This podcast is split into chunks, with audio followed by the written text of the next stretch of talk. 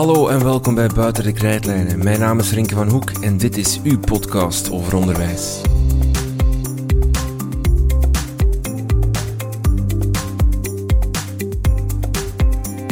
Kinderen en jongeren zijn vandaag echte burgers van de wereld. Ze groeien op in een diverse samenleving die voortdurend in verandering is. Deze veranderingen brengen zowel kansen als uitdagingen met zich mee.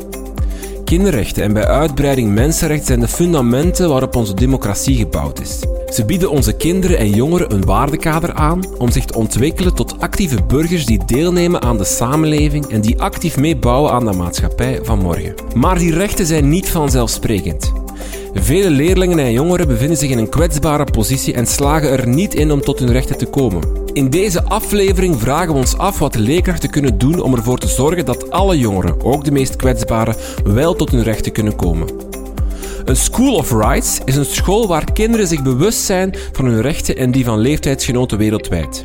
De school geeft de kinderrechten een plaats in de dagelijkse schoolcultuur. In de lessen, het schoolreglement, activiteiten.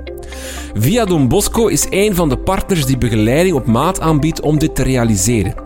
Ze gaan twee of drie jaar samen met de school op zoek naar een aanpak die het beste aansluit bij de eigenheid van de school. Scholen die het volledige traject doorlopen, kunnen het label van School for Rights verwerven. Shahid El Atabi van het Buizijde Atheneum Campus Zandvoort in Mechelen doorliep het traject van School for Rights en is dus intensief bezig met hoe kinderen tot hun rechten kunnen komen. Hij deelt zijn ervaring in deze aflevering. Ook Sigrid Boerie van Arctos schuift mee aan tafel. Met hun lintenopleiding probeert Arctos leerkrachten te versterken in het omgaan met kwetsbare jongeren en klasgroepen. In deze driedaagse opleiding reiken ze tal van tools, do's en don'ts aan en werken ze toe naar een positief schoolklimaat. We gaan op zoek naar handvaten om ervoor te zorgen dat iedereen, elke leerling, zijn kinderrechten overeind blijven en bespreken wat de rol van de leerkracht en de school hierin kan zijn. Shahid El Atabi en Sigrid Bouri.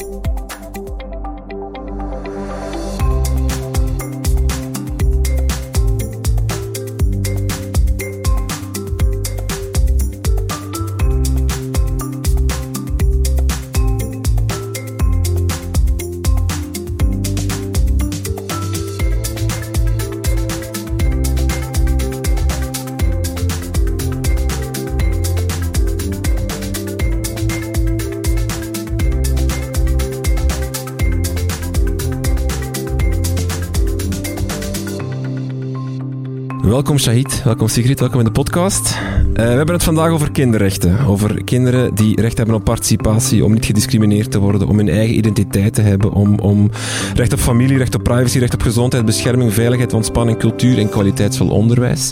Wat ik zeg zijn allemaal um, misschien wel wat vanzelfsprekende dingen, uh, denken we of vinden we. Toch blijkt dat dat niet altijd zo is voor jongeren vandaag, ook hier in Vlaanderen. Ja, we gaan er uh, altijd vanuit dat dat uh, verworvenheden zijn. Hier in Vlaanderen, in, uh, in West-Europa. Uh, meestal als we het hebben over kinderrechten, ook in veel lessen, dan denkt men aan de derde wereld, mensen in het buitenland, mensen die oorlog meemaken.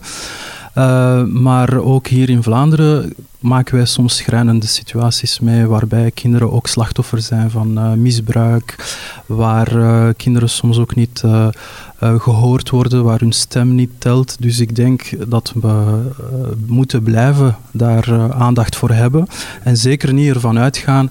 Ze zijn verworven, dus we kunnen gaan slapen als het ware en, en dat het vanzelf uh, zomaar goed komt. Ja. ja.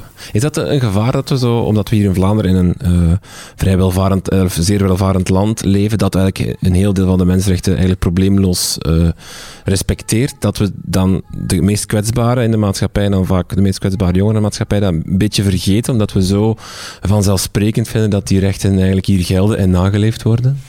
Ik merk wel als trajectgezel heel vaak met jongeren, als je naar een instantie gaat, ze van kastje naar de muur worden gestuurd, terwijl ze eigenlijk recht hebben op een aantal zaken.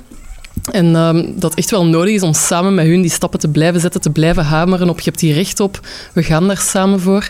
Maar dat dat heel moeilijk is om soms te blijven volharden daarin. Ehm, en die vanzelfsprekendheid is er, maar eigenlijk is die niet zo vanzelfsprekend eens dat je daaraan begint. Hm.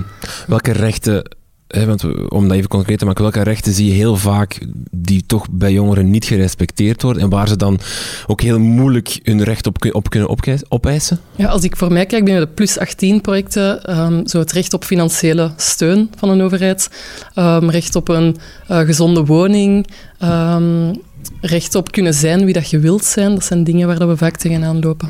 Ja, inderdaad, kunnen zijn wie je wil zijn. Um, recht op uh, informatie, uh, je stem mogen uitspreken, je mening mogen uitspreken. Um, recht op veiligheid. Op school heb je soms situaties waarbij leerlingen slachtoffer zijn van, van pesterijen en zo verder. Dus dat zijn zaken die eh, toch wel invloed hebben op uh, de ontwikkeling van die, van die kinderen. En um, als we daar geen oog voor hebben, ja, dan uh, zitten ze ermee. En ik denk dat de taak is van de school ook om zo'n veilig mogelijke omgeving te creëren en die, al die rechten zo veel mogelijk te garanderen. Dat is niet makkelijk, daar is veel werk aan, maar zolang wij bewust daarmee bezig zijn, denk ik dat het wel goed is. Over welke rechten zijn jongeren nog wel eens verbaasd dat ze die eigenlijk hebben en mogen opeisen? Uh, in mijn les heb ik ervaren dat uh, de leerlingen vrij goed op de hoogte zijn. Uh, ze hebben dat vaak al gezien in de basisschool. Ze komen ook aan bod in andere lessen. Um, dus als ik vraag uh, wat zijn de kinderrechten, welke rechten, over welke rechten spreken we dan, dan soms die, de meeste wel op. Hè, recht op privacy, recht op uh, eigen mening en zo verder en zo verder. Um, maar het is niet zo dat ze daar meteen over beginnen nadenken van ja, heb ik daar eigenlijk nu volledig toegang toe? Um, ze gaan er ook al allemaal vanuit van het is wel in orde zo, zoals het is. Terwijl het soms wel verder kan, eh, dat hun rechten wel verder gelden dan ze zelf maar hebben. Ja, dat denk ik wel, ja. ja. Dat is herkenbaar. Ik denk um, dat er nog een grote weg af te leggen is in het versterken van jongeren om die rechten effectief op te eisen of om daarmee aan de slag te gaan. Ik merk ook wel, zoals u zegt, dat ze vaak wel op de hoogte zijn van recht op privacy, um, recht op een woning. Maar hoe dat je daar dan aan toekomt, is nog wel een moeilijker iets. Um, heeft dat te maken met het feit dat we, dat we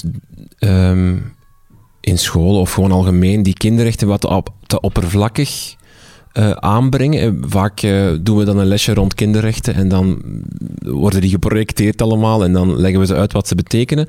Maar we gaan niet over tot, tot diep, diep daarover nadenken van hebben wij die rechten zelf? Ik denk dat heel vaak in de lessen dat aan bod komt. een beetje de geschiedenis wordt daarbij verteld, de context. de leerlingen maken daar kennis mee, ze bestuderen dat ook, ze begrijpen dat ook. maar wordt daar echt mee aan de slag gegaan dat is een, dat is een, uh, stapje verder gaan daarmee. En uh, als we nu voor onze school spreken, uh, we zijn gestart een vijftal jaar geleden met een nieuwe campus. En we dachten, we willen hier echt een, een ondernemende school, een participatieve school van maken. En daarom wouden we echt wel werk maken van een leerlingenraad. En we wouden dat goed doen. En dus we lieten ons ook begeleiden daarin om de, de beleving van die rechten bij die leerling ook effectief te brengen.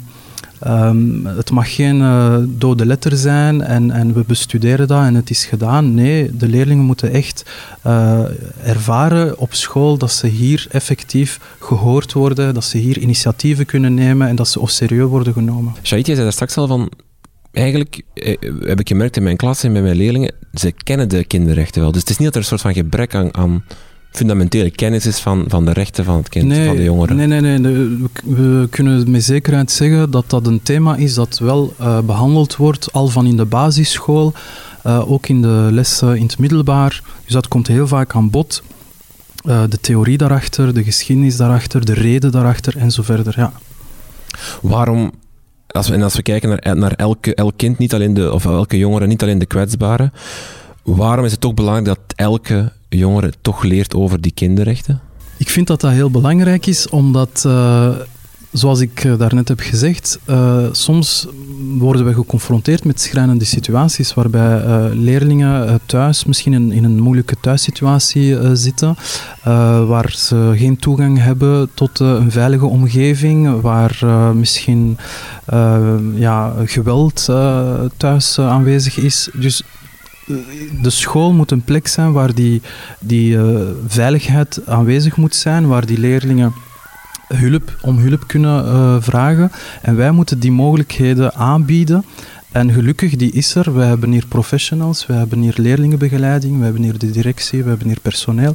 Uh, die, weten hoe dat we die leerlingen tot bij de instanties kunnen begeleiden.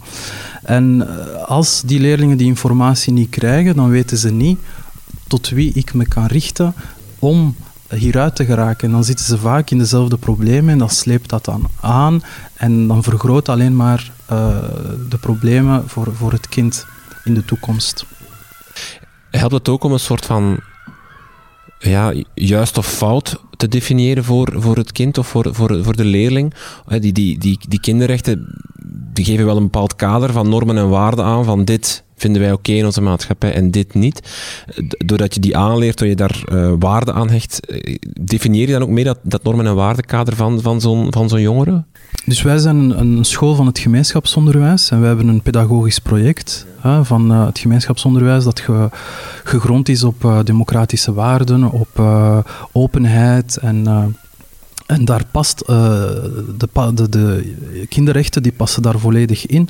Dus inderdaad, wij geven inderdaad op school een soort kadermodel uh, uh, waar die leerlingen uh, zich vrij kunnen ontwikkelen en waar we de boodschap geven van dit is belangrijk, uh, hier kan je mee aan de slag.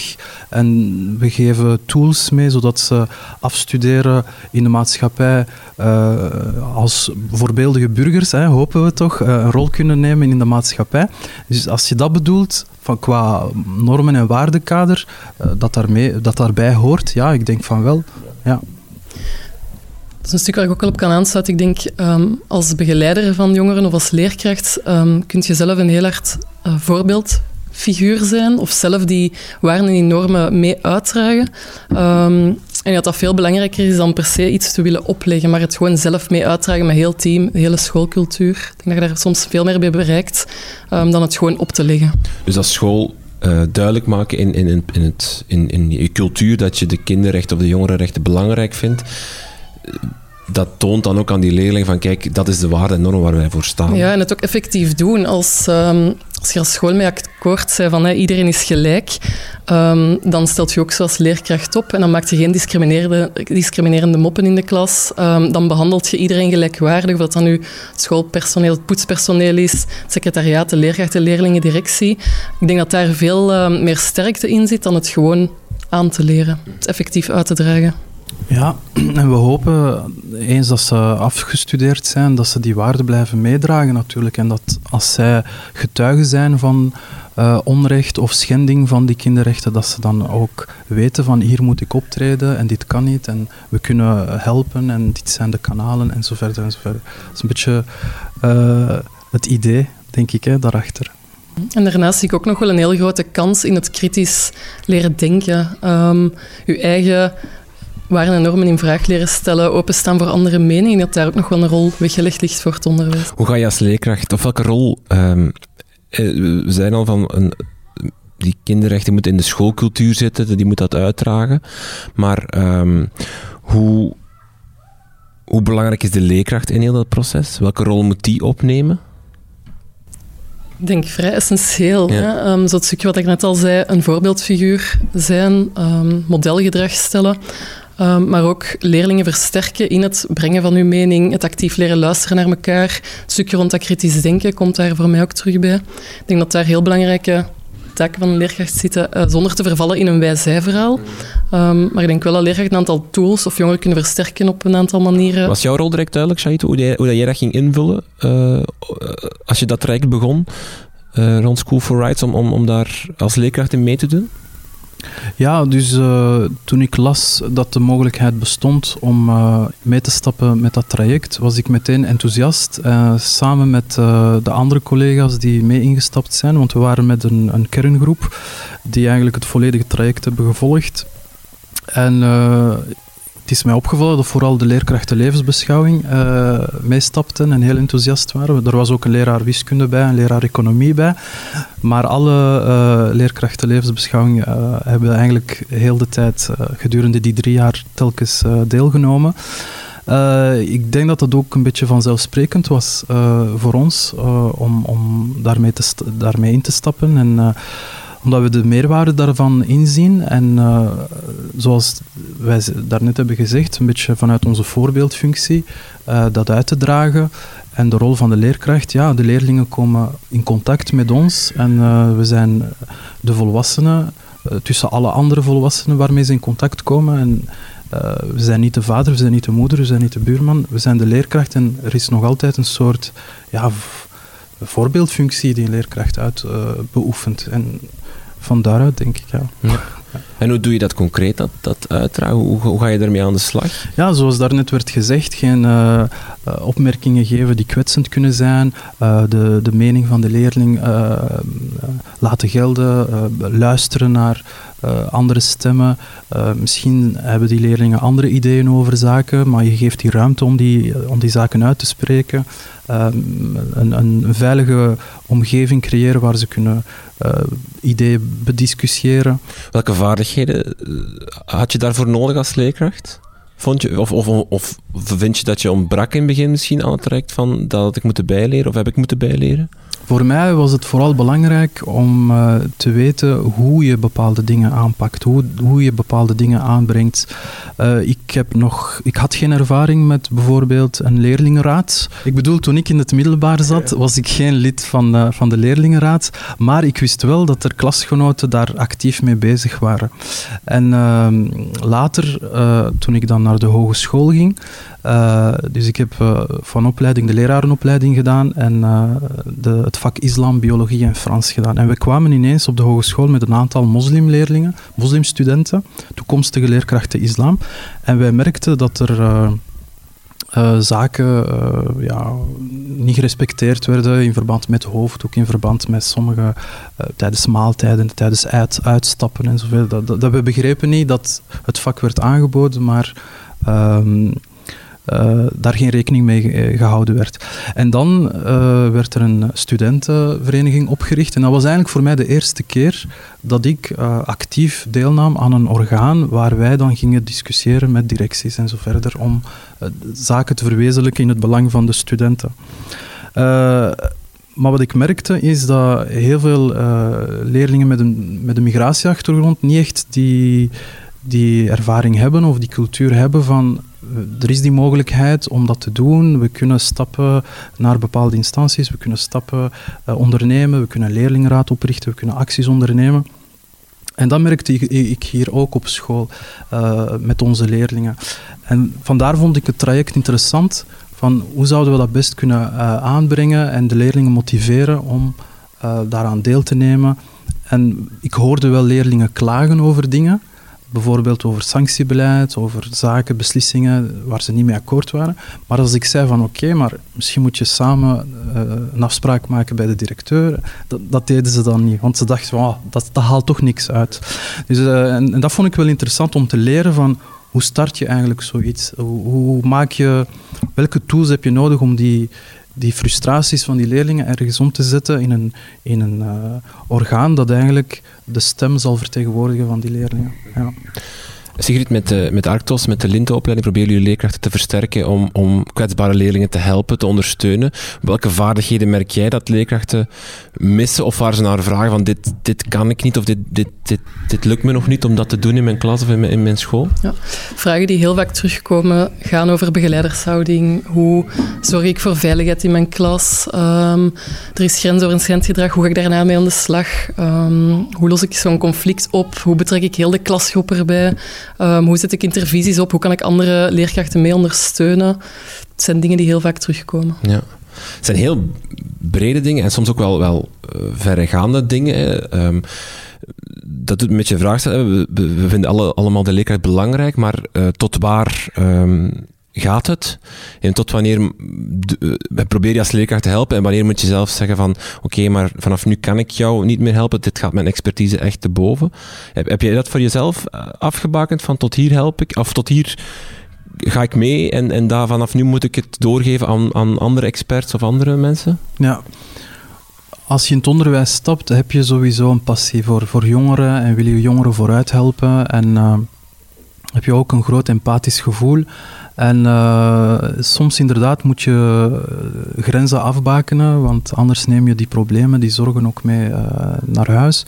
Maar gelukkig zijn we niet alleen, we zijn een team. We kunnen ten rade gaan bij de collega's. We hebben ook leerlingenbegeleiding, die zijn daar ook uh, beter in opgeleid om specifieke problematische situaties aan te pakken.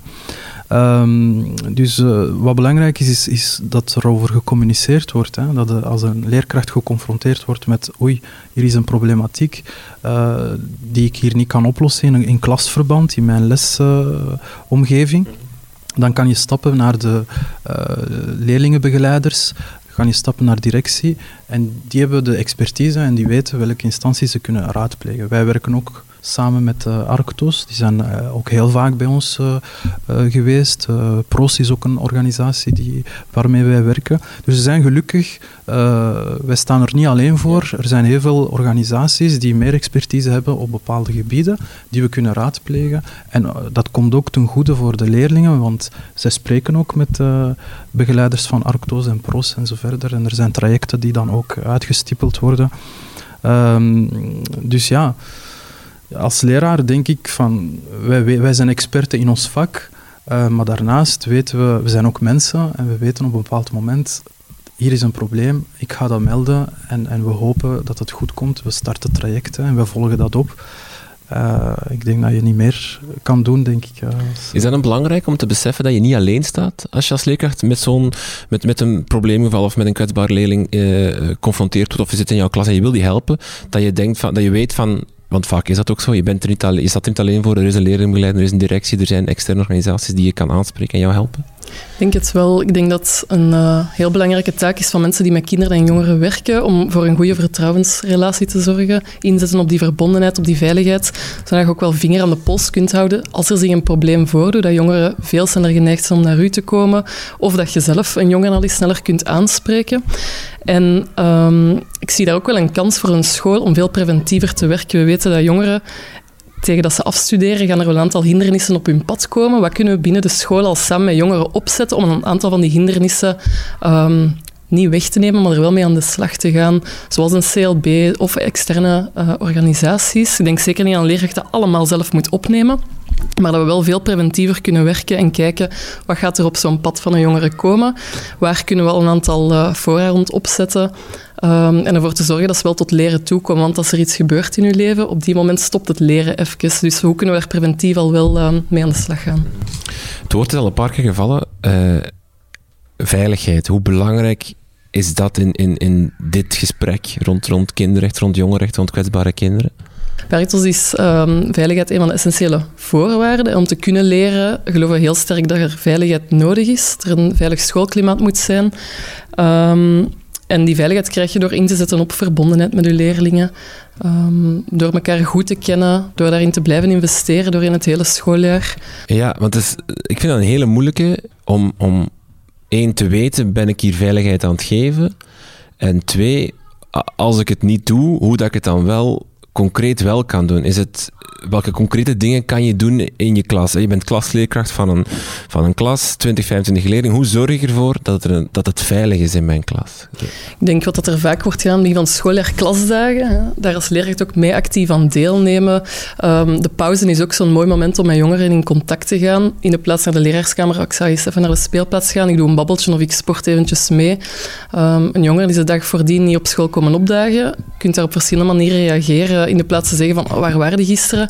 kun je ook zeggen van... Hey, tof dat je terug bent. En we hebben het er straks wel even over.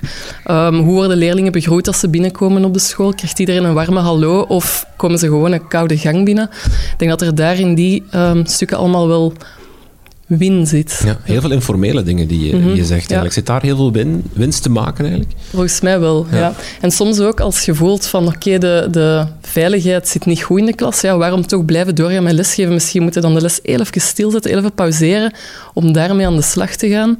Ehm, zodat je daarna terug goed verder kunt. Herkenbare dingen, Shahid? Ja, zeker en vast. Dat is eh, essentieel, hè, veiligheid op school. De leerling moet zich hier veilig voelen, moet zich hier goed voelen.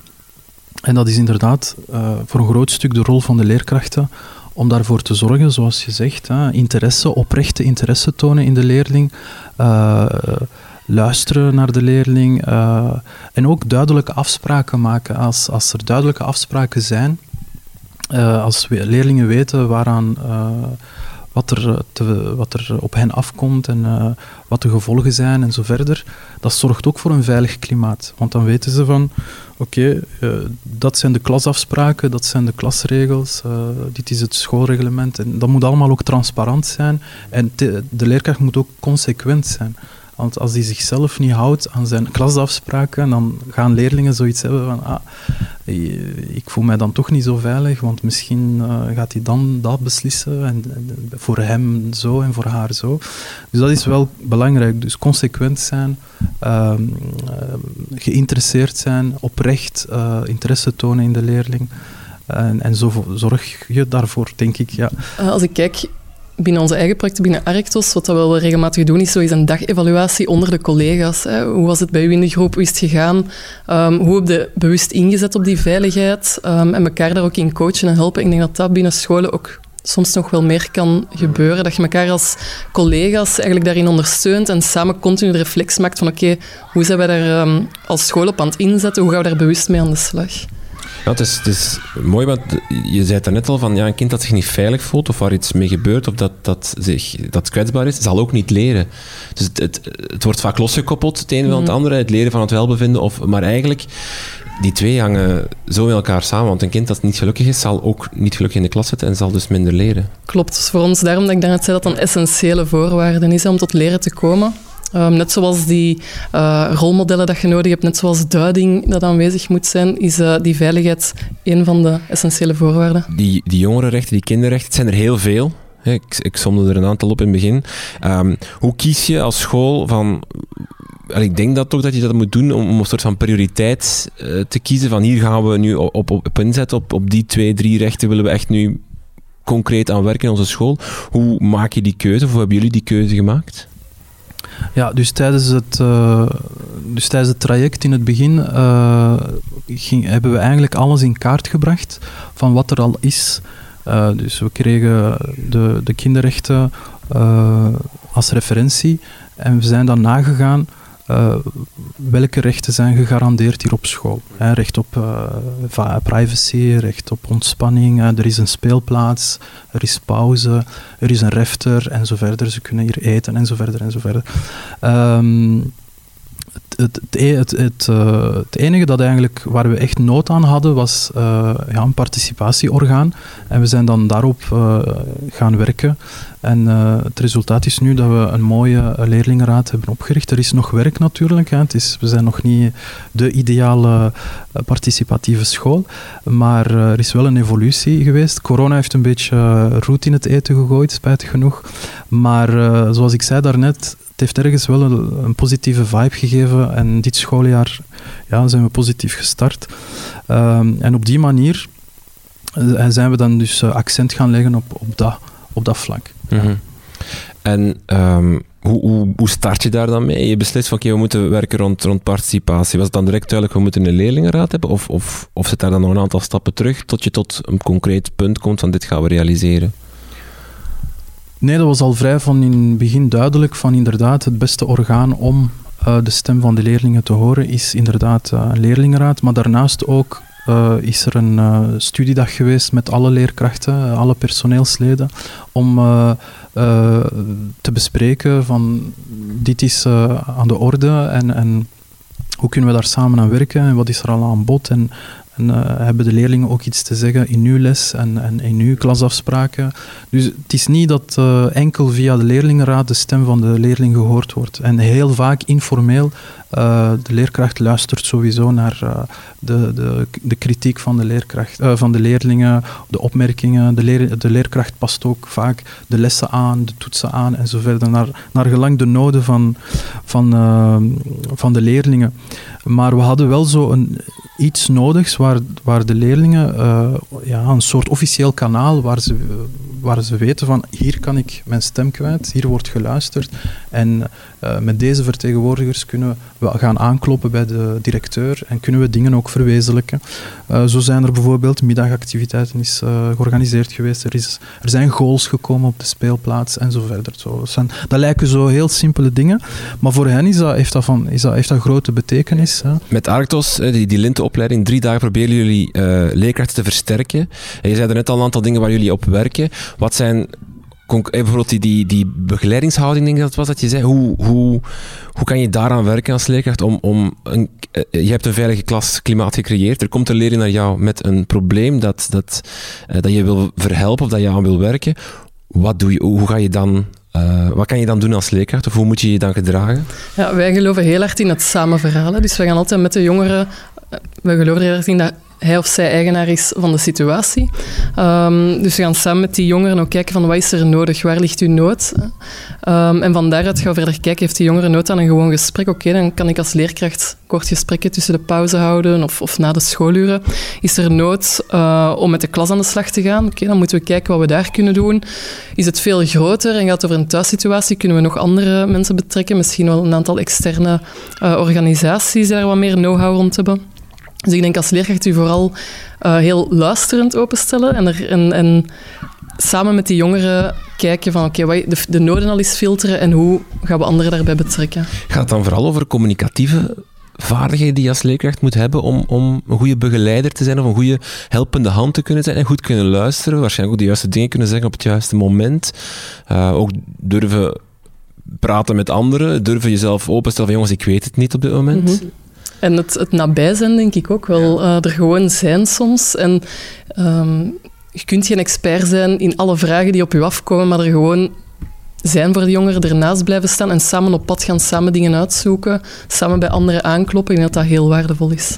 Maak ik het dan soms gewoon te moeilijk voor mezelf? Dat, dat ik denk van, oh, ik weet niet wat zeggen, ik ga het verkeerde zeggen, maar dat eigenlijk gewoon, doordat ik er al ben om te luisteren of iets te zeggen, doe ik al heel veel? Het is zo simpel. Allee, simpel. Ik denk dat het zo simpel kan zijn. Ja. Ja. Ik herinner me bijvoorbeeld een voorbeeld. Um, in een, in een schoolvervangend project vroeger nog, waar dan jongeren iets wou knutselen, maar ik ben ook geen timmerman, ik heb daar geen kaas van gegeten.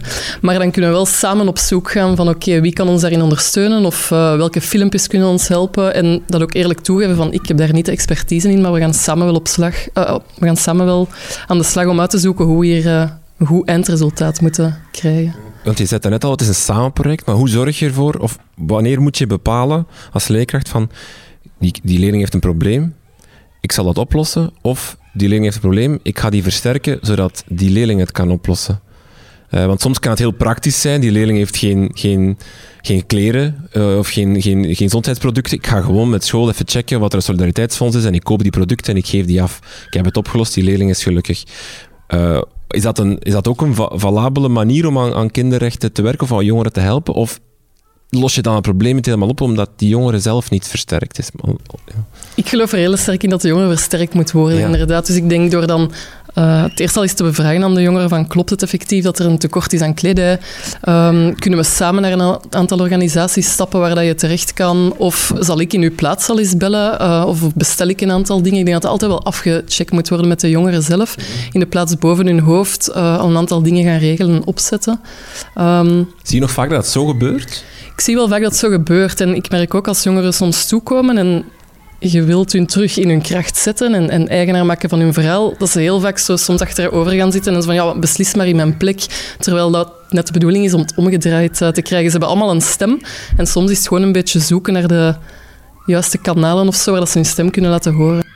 Herkenbaar, Shahid? Ja, zeker. Uh, zoals je zei, betrokkenheid van, uh, van de leerkracht is absoluut belangrijk. Ik denk niet dat wij als leerkracht uh, alles kunnen oplossen of, of het probleem meteen ook zelf kunnen oplossen, maar gelukkig hebben we experten in huis die we kunnen raadplegen. Uh, de leerling daarin versterken is belangrijk. Door hem te wijzen op wat de mogelijkheden zijn, wat de opties zijn. En dan versterk je ook zijn, zijn, zijn persoonlijkheid en dan beseft hij ook van die stappen kan ik ondernemen, daar heb ik recht op, daar heb ik toegang tot. En, en, en, en, zo groeit ook uh, de leerling. Natuurlijk, ja, als er uh, ernstige problemen zijn en soms moet justitie erbij betrokken worden of politie, ja, dat is een ander verhaal. Ja? Maar we proberen in de mate van, de, van wat mogelijk is, de leerling zelf te versterken. En, en, we zijn vrij goed omringd om dat te kunnen doen, hm. vind ik. Het lijkt me ook het meest duurzaam als je leerlingen zelf versterkt om hun situatie aan te pakken. Want na verloop van tijd vallen leerkrachten weg, vallen vormingswerkers weg, vallen andere personen wel weg, maar dan kunnen zij wel verder als wij het allemaal overnemen. En we vallen dan weg, dan staan ze eigenlijk terug bij nul of onder nul.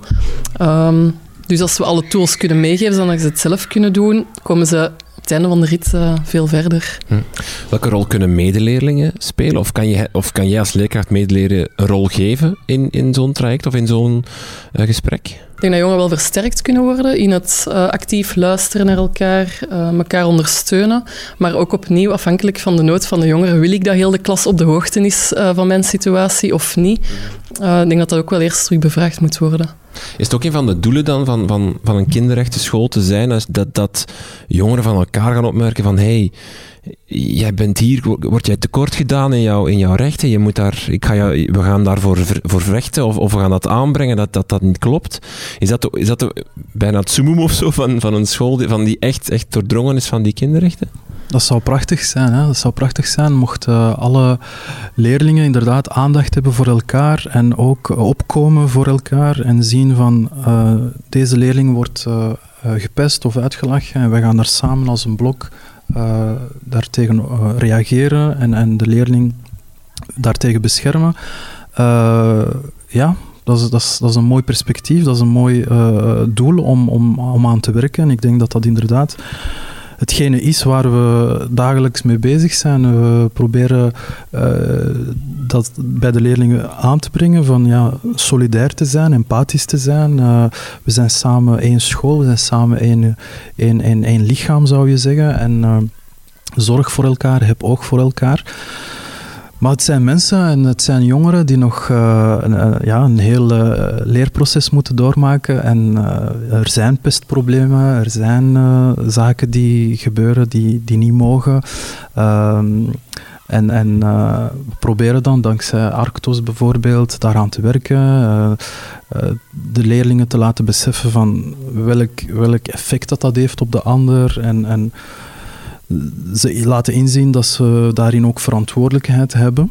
Je kan niet zomaar dingen zeggen of dingen posten over anderen zonder dat dat gevolgen heeft. Dus welke verantwoordelijkheid heb jij daarin? Dus ik denk, ja, hen wijzen op die verantwoordelijkheid en met de jaren hopen dat, dat, ze doordrongen worden door, door die waarden. Ja. Mm uh, een laatste ding dat ik even wil aanraken. Kinderrechten, eh, op zich is het ook wel, het, het is uitgeschreven, het is set in stone, maar het is ook wel iets waar, waar uh, interpretatie aangekoppeld wordt, of waar, wat, wat, waar nuance in ligt, waar andere mensen andere betekenissen aangeven. Hoe ga je ermee om als een leerling niet dezelfde kinderrechten aanhangt of dezelfde... Um, normen en waarden volgt als dat de school wel van plan is om, om, of wel gaat doen? Bedoel je dan dat een leerling misschien bepaalde extreem, extreme ideeën heeft. Ja, zo, bijvoorbeeld of, of uh, niet akkoord is met de gelijkheid tussen man en vrouw, bijvoorbeeld. Ja, of, of, ja, of ja. Um, we gaan in gesprek, we gaan in gesprek en uh, we proberen op een uh, volwassen manier, hè, zonder uh, met uh, het vingertje uh, op te heffen en, en te zeggen van nee, het is zo en zo hoort het. Maar je geeft aan vanuit de, de samenleving waarin wij leven, de ideale omstandigheden die wij hopen te bereiken. En als er ideeën zijn die niet stroken daarmee, dan ga je daarop ingaan en dan, dan laat je ook merken van waarom kom je aan deze ideeën? Van waar komen die? Want heel vaak jongeren komen af met sommige uitspraken die ze niet werkelijk menen, maar die ze gewoon zeggen om, om eens te choqueren, om eens tegen de schenen te, te stampen. En uh, ik denk dat als leerkracht mag je niet direct uh, daarop springen en, en, en de leerlingen buiten zetten en dat wil ik hier niet horen en zo verder. Want dan bereikt hij misschien juist wat hij wilt hè, en de leerkracht op stang jagen. Uh, dus ik denk dat het taak is van de leerkracht om daarop in te gaan en uh, te achterhalen van waar komen die ideeën en misschien uh, rustig, uh, stap per stap, ergens die ideeën te deconstrueren. En vaak lukt dat wel. Um, dat is mijn ervaring nu in die 15 jaar. Ik heb niet echt uh, leerlingen gehad die met echt extreme zaken afkomen. En als er zo van die uitspraken zijn, dan gaan we daarop in. En dan zeggen ze dan achteraf van, ah ja, eigenlijk ja. maar zeker niet laten voorbij passeren. Dat mag je als leerkracht niet doen. Maar ook niet heel hevig emotioneel daarop reageren. Maar met gesprek, en, en als je er niet uit geraakt, uh, hebben we uh, ja, hulpkanalen om, mm. om met die leerling aan, aan de slag te gaan. Ja. Mm, ik volg daarin wel um, het gesprek blijven aangaan. En dat vertrekt ook weer terug vanuit die verbondenheid. Als er een goede relatie is, kan er ook wel wat gezegd worden of kunnen terugvallen op die uh, vertrouwensband. Um, en het stukje wat ik soms zelf doe als ik vastloop daarin, en inderdaad, ik, ik, wil daar niet te emotioneel op reageren, betrek ik daar ook wel eens anderen bij. Mensen die een iets betere connectie met die jongeren hebben of veel dichter bij die jongeren staan en die op hun gemak dan weer het gesprek kunnen aangaan. Um, dus ik denk dat we elkaar daar ook wel wat in moeten ondersteunen. Je hoeft niet altijd zelf het gesprek aan te gaan. En wat als de thuissituatie de, de kinderrechten niet, um, niet, niet respecteert? Hoe, hoe, hoe, probeer je dan, want hey, je wilt, wilt de ouders, ouders wel meekrijgen in het verhaal, of je wilt, als, je, als je spreekt over het samen doen, dan denk je dat ouders er ook wel een deeltje van zijn. Maar wat als die niet mee zijn met, met bepaalde normen en waarden, met bepaalde kinderrechten die wel voor, je, voor jou als school, als leerkracht cruciaal zijn, hoe ga je dan te werk? Als een, als een ouder zijn, uh, zijn kind inschrijft, dan is er altijd een gesprek. Hè. De school wordt voorgesteld, uh, de, de, de filosofie van de school wordt voorgesteld. Er is een schoolreglement dat ondertekend moet worden en, en gelezen moet worden. uh, en eens dat hun kind hier is en, en, en wij eigenlijk mee dat kind gaan vormen, uh, verwachten we ook van de ouders dat ze ook meegaan in het verhaal dat wij willen brengen. Uh, en de leerlingen die, die kunnen dat eigenlijk vrij goed. Die weten vrij goed van oké, bij mij thuis is het misschien anders. Mijn, mijn opa of mijn moeder of mijn vader denkt daar misschien anders over. Maar hier uh, weet ik van dit is wat we leren en dit is hoe we omgaan met mensen. En het is niet altijd makkelijk, die verschillende culturen, die verschillende achtergronden. Uh, sommige leerlingen voelen zich een beetje tussen de twee. Uh, identiteitscrisissen, identiteitsvraagstukken zijn heel actueel, wordt veel over geschreven. Um, maar ik denk dat voor de school vooral uh, aandacht moeten hebben voor, voor de leerling.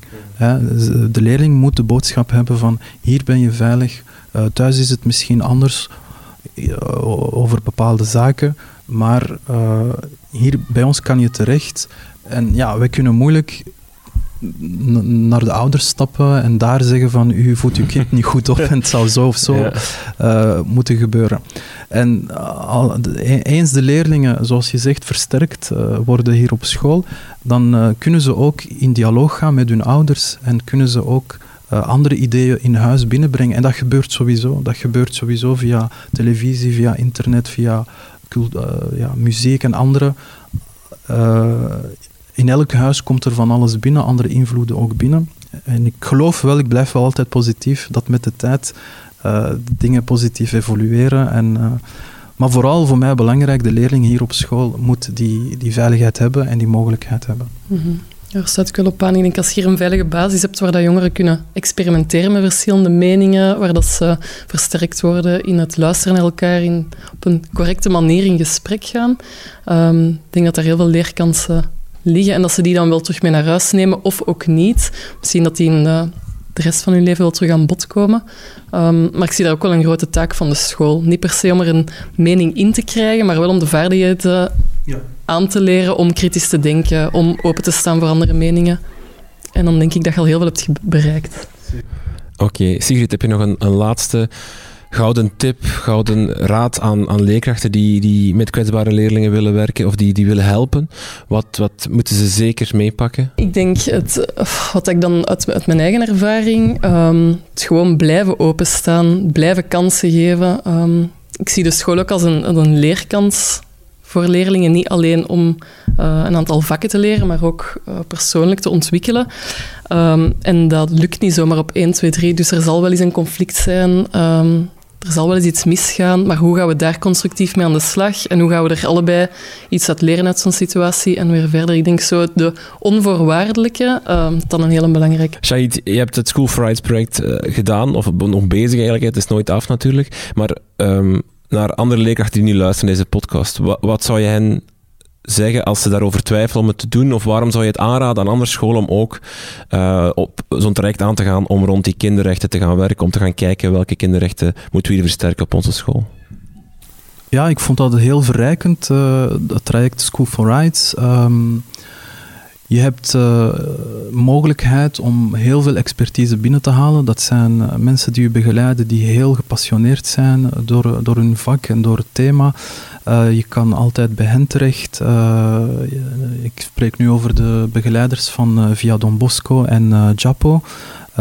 Je mocht, ja, ik kon ze bellen, ik kon, ik kon mailen wanneer ik wou. En had ik nood aan bepaald lesmateriaal, dan wisten ze van waar het te vinden was. spelletjes of wat dan ook, of tips, een film. Um, en het, het, feit dat ze ook regelmatig komen op school en ons terug doen denken van, ah ja, dat moesten we nog regelen en, en, en daar moesten we nog aan denken, want wij ja, ik denk dat dat overal in de media gekomen is, hoe moeilijk het is uh, tegenwoordig om leerkracht te zijn en al die administratieve lasten en zo verder. Dus uh, we zien soms uh, de bomen niet meer door het bos. maar dankzij dat traject word je telkens herinnerd van, ja, dan is het afspraak en dan is het die doelstelling die we moeten bereiken. En zo groeien eigenlijk doorheen dat traject. En we zijn heel tevreden met het resultaat. we hebben bereikt wat we wouden bereiken en we gaan nu verder groeien. Uh, daarin. En voor mij zelf persoonlijk, uh, ik ben meer bewust nu bezig met, dat, met, uh, met het thema van de kinderrechten. waar vroeger voor mij, zo, ik had zoiets van, ja, dat is toch vanzelfsprekend, dat is allemaal in orde. maar nu let ik daar veel meer op. Uh, als ik zie dat een leerling uh, een bepaalde straf uh, of een te zware straf heeft gekregen voor iets, ja, dan stel ik me daar ook vragen bij. Van, dan ga ik in gesprek met de leerlingbegeleiding en de directie van ja, hoe kunnen we dat misschien anders invullen. Ehm, als ik zie dat dat uh, in de klas uh, bijvoorbeeld opmerkingen worden gemaakt die niet door de beugel kunnen, seksistische opmerkingen of racistische opmerkingen, ja, dan daarop ingaan. En uh, ja, je ontwikkelt een soort, ja, ik weet niet, kinderrechtenradar of zo, zou je zeggen. Ja.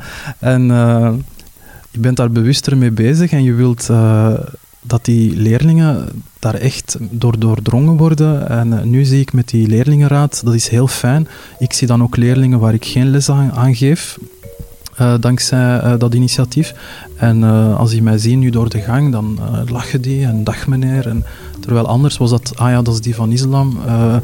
maar nu, ja, het is, alleen maar verrijkend, vind ik. En vanuit die optiek zijn we ook gestapt in het traject omdat het alleen maar de school verrijkt. En, daar, en alles wat in het voordeel is van de jongeren, daar sta ik altijd voor open. Oké.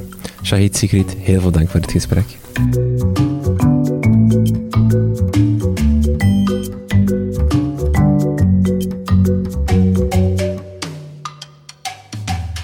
Dit was het dan weer voor deze aflevering van Buiten de Krijtlijnen.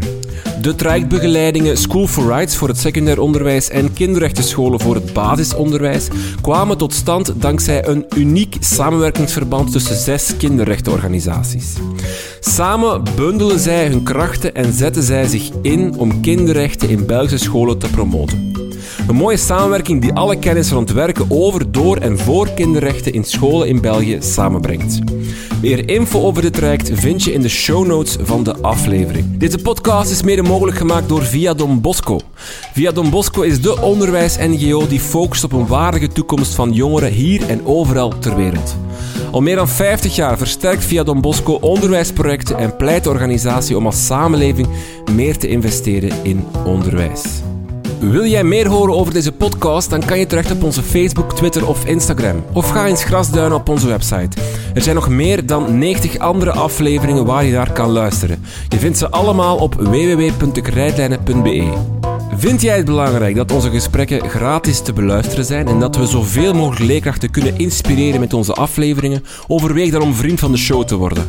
Voor 2,5 euro per maand help je ons om deze podcast te blijven maken. Af en toe maken we ook een bonusaflevering voor onze vrienden van de show. Daarin diepen we actuele thema's verder uit met een expert. Alle info op www.dekrijtlijnen.be. Dank voor het luisteren en tot de volgende.